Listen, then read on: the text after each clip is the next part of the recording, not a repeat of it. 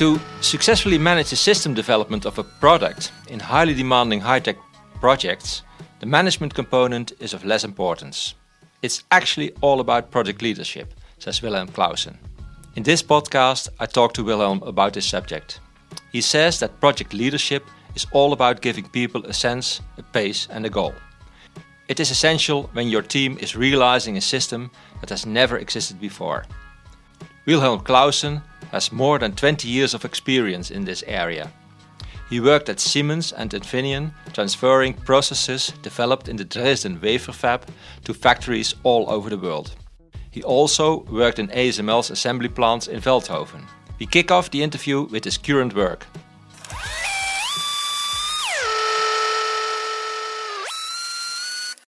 My current job, I would always say it's organizing and leading organizations in despair. Uh-huh. You're not a project manager. You're, you're a coach in project management, maybe. I am managing projects, mm-hmm. but I don't like the word manage project management because for me, yeah. most of the tasks that I do are leadership tasks, uh-huh. are organizing the way how people are doing, ensuring the pace, ensuring the quality, and doing the right thing at the right time. Yeah. And it has nothing to do with the fact that I'm administering or that I'm proving or scripting something. It has to do with leadership. Uh-huh. And that, I think, is a major important part for me in this, uh, in this aspect.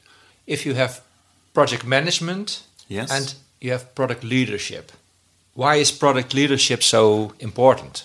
The relevance of, of project leadership comes from the fact that people are looking for orientation. People are looking for the answer what do I have to do next? Mm-hmm. And you have to concert that in a way that they all blend together to realize your development goal. Mm-hmm. And this is, I think, the fun of the whole story because when you have a normal project like building a bridge or building a street, then you have something that is already clear from the beginning how it has to look in the end. Yeah when you are looking into the development projects, real development projects, I mean projects where you are trying to do something that no one has done ever before, then project leading has its own flavor because you actually don't know where you end up. Mm-hmm. And that is, uh, I think, the fun of the whole story. On the other hand, of course, mm-hmm. this is also a threat for people. Mm-hmm. Why, why is uh, project leadership so much fun? Why, why are you interested in this, this subject? I think because it is always operating on the edge between technology and people. Uh-huh. You are always going into a ground that has never been explored before. Mm-hmm. And you do this with the tools and the experience that you bring to the table from things that you have already mastered. Yeah. And if I say mastered, of course, it also incorporates failure because uh, there, from failures, you most likely learn much more than from the projects that just run smooth and easy. Yeah. So what what did you study? Uh, I have a PhD in chemistry. The advantage of studying chemistry, yeah. it covers a lot of subjects. This is exactly also the reason why I actually chose to go for material science because in material science at that time it appeared to me that there I would have a interaction with all different disciplines. Oh yeah. And on top of it, then, after I finished my, my PhD in chemistry, I did a study in economics, so uh, I have also a master in economics. And why I'm why I'm saying that because this shall indicate the curiosity that I had to to to explore things that I've not not been in so far. Uh-huh. Which, of course, is on one thing is a beautiful thing because it makes life really exciting. Um, on the other hand, it uh, means that please don't ask me to fill in a form. Huh? I'm, I will be immediately bored and start to look for shortcuts and how to make it more creative. Maybe Which, that's very un-German, isn't it? yeah, well, maybe that's the reason why I, why, why I so much why I so much like to work with with Dutch people. okay. Where did you start your career? Actually, I started my career in, in Dresden, in eastern Germany, with Siemens. Of course, that's in the first place that sounds very, let's say, traditional. Siemens, Siemens and Dresden, that sounds Infineon to me. Yeah, that is, a, that is, that is nowadays Infineon. It was at that time, it was Siemens. Mm -hmm. um, this company, of course, sounds not very thrilling. Mm -hmm. But at that point in time, there was a real startup mentality in a certain branch of Siemens, the semiconductor branch, Yeah. because they actually almo- almost had missed the train. Yes, And and so- that's actually indeed DRAM manufacturing. isn't it? Exactly. Was and we started to race after the DRAM manufacturing to make sure that Siemens was able to participate in the microelectronics race beyond just single components or Yeah. or small devices. What year was that? 1997. 97. oh, yeah. 97. So you, Um, you you you started at uh, Siemens Semiconductors. It then became, Then- but then it became Infineon, Uh-huh. and then basically Infineon finally spun off Qimonda, Yeah. and Qimonda turned out after one and a half years to be a big disaster. Wilhelm, you started at Siemens, later Infineon, in a process engineer's position in Dresden, uh, which is actually a very common job for people to start with after university. And then, how did you move on to projects, and um, how did you continue your career? From there, I continued then um, with with Infineon um, to to operate to start their to ramp up their factories. So that basically means we had a lot of transfer projects to enable the technology in the organic growth of the company with cooperation partners in US, in Asia, in Taiwan, China, And what was that about? That was basically basically about these were projects where we enabled foreign factories to run the technology that we developed in Dresden. Okay. And So it was about, about copying the technology, and the production. yes, it was about copying the technology while it was still in development. Mm-hmm. So that was a very interesting task because it was extremely dynamic uh-huh. and it was extremely high pace that we basically had to um, um, keep up there because um, in the especially in the DRAM business um, every month you are later on the market would mean Yeah. that you are basically you, you start to have a lower margin Yeah. and um, So every day of delay is is uh, maybe millions in. Yeah, yes, of course. But the key point was that we had to make sure that we have a structure in place to transfer a 600 unit process steps long manufacturing process and establish it on a different site, three and a half thousand kilometers away while this was in development. So that means that in the project we had to be flexible for adaptations that were coming with respect to recipes, tools, um, sequence changes, and all these kind of things. And that was my first exposure to these um, high dynamic env- development projects. And Can, you- can you give me an example of why this was why this was so challenging? What could go wrong Yeah. if you didn't do that right? Well, for a, for a computer chip, it's pretty, pretty simple. If you do anything wrong, the computer chip is dead. Yeah. One step, one detail of a step in one of your 600 process unit process steps not done correctly, and the result of it is very expensive scrap. Yeah. And the second thing is, you are not running it in your own factory. You're running it in a foreign factory. Yeah. A foreign factory has different rule sets, has different tool sets, has a different language, has a different mindset of the engineers, A different culture. a different culture, mm-hmm. and that is all what you need to embrace as a project leader uh, mm-hmm. um, to to be successful.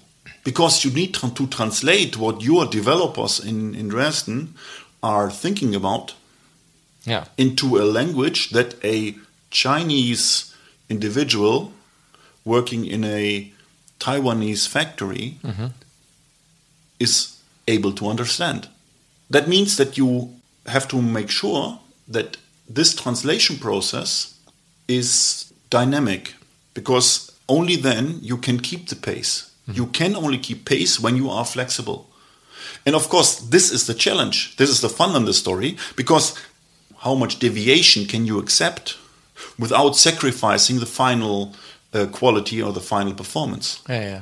With every change you want to make, there's a danger that you that you have lower quality or That is that is also the case in your in your mother factory. Uh-huh. That is always the case that Yeah. you have to ensure that a change Yeah. is qualified and validated. Yeah. The interesting thing in the transfer project is that the change that is happening in your mother factory has to be qualified and validated on a different site according to a different rule set. That means that you have to understand you have to have always these two different rule sets that the factories are operating under in your mind and being able to balance them in a good way to ensure that finally the outcome is okay. Yeah.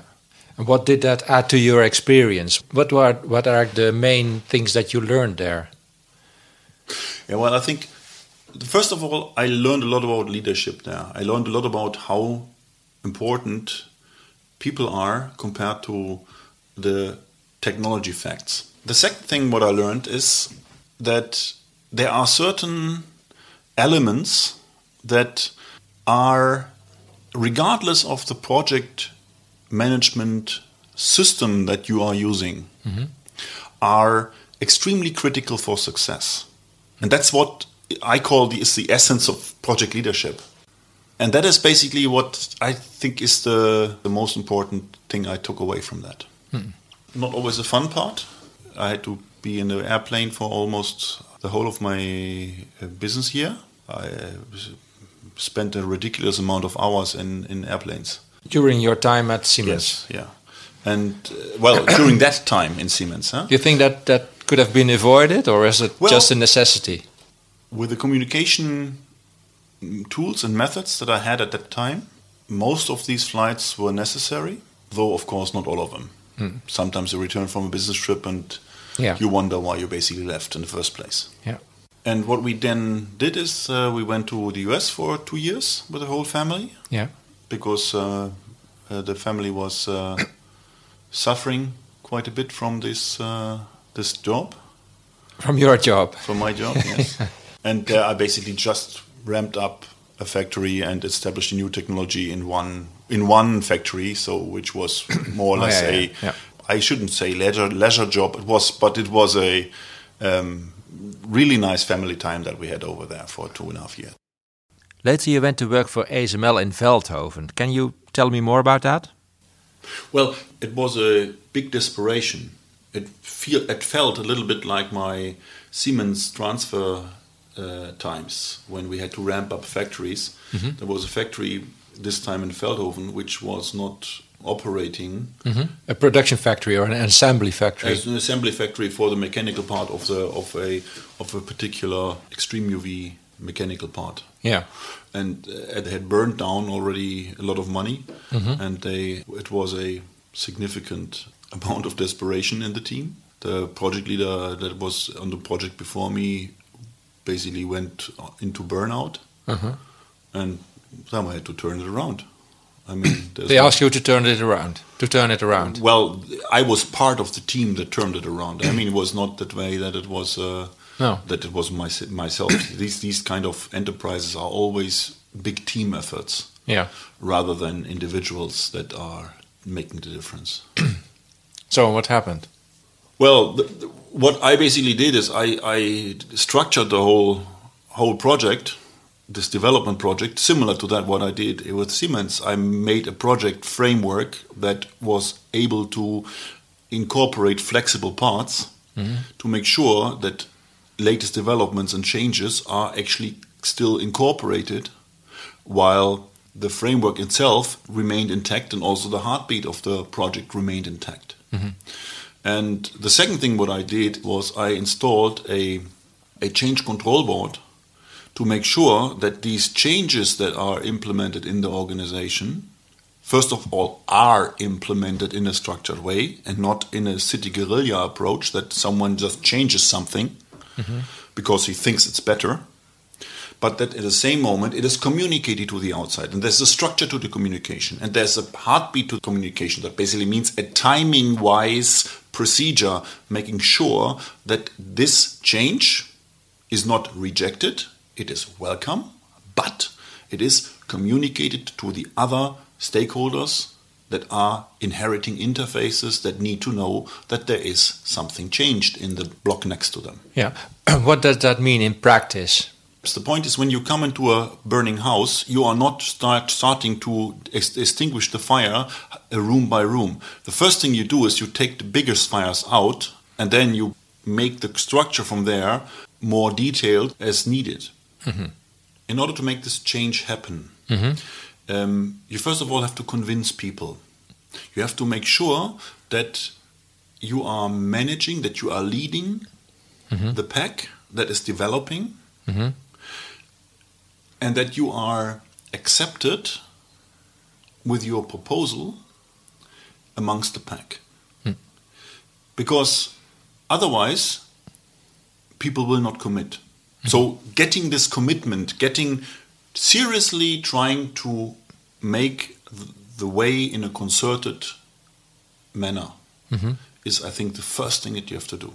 Mm-hmm in these critical situations, most of the time the problem definition or the problem, the realization of the problem is already there. So this is one step that you don't have to do. The team was very well aware of the challenge and that we um, then started to think about in a few workshops how do we want to solve it how do we want to get our arms around the story yeah but there is was a real willingness to get this problem solved i guess Yes, of course. I mean, there was a very high dedication, and what I really appreciated was I was surrounded by people that were much smarter than I am, which I always like. That mm-hmm. is uh, always in a very inspiring environment.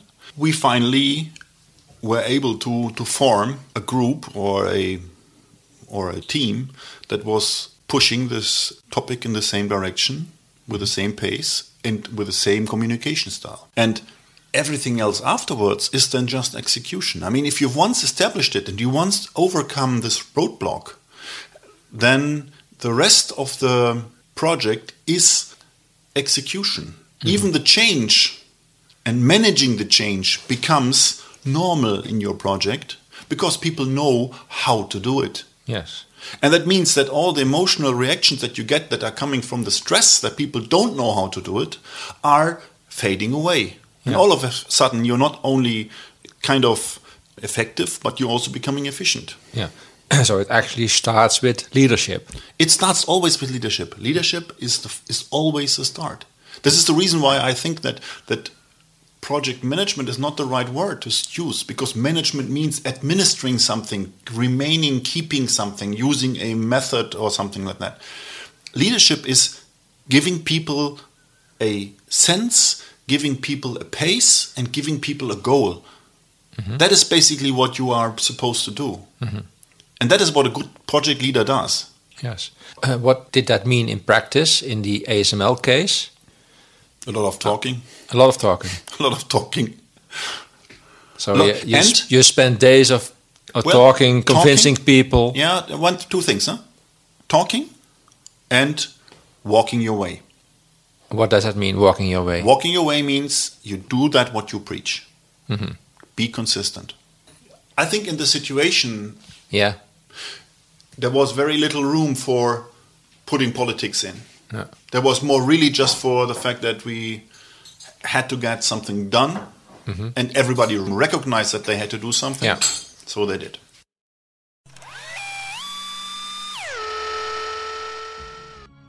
This was the first part of the interview with Wilhelm Clausen. This was Bits and Chips. Thanks for listening.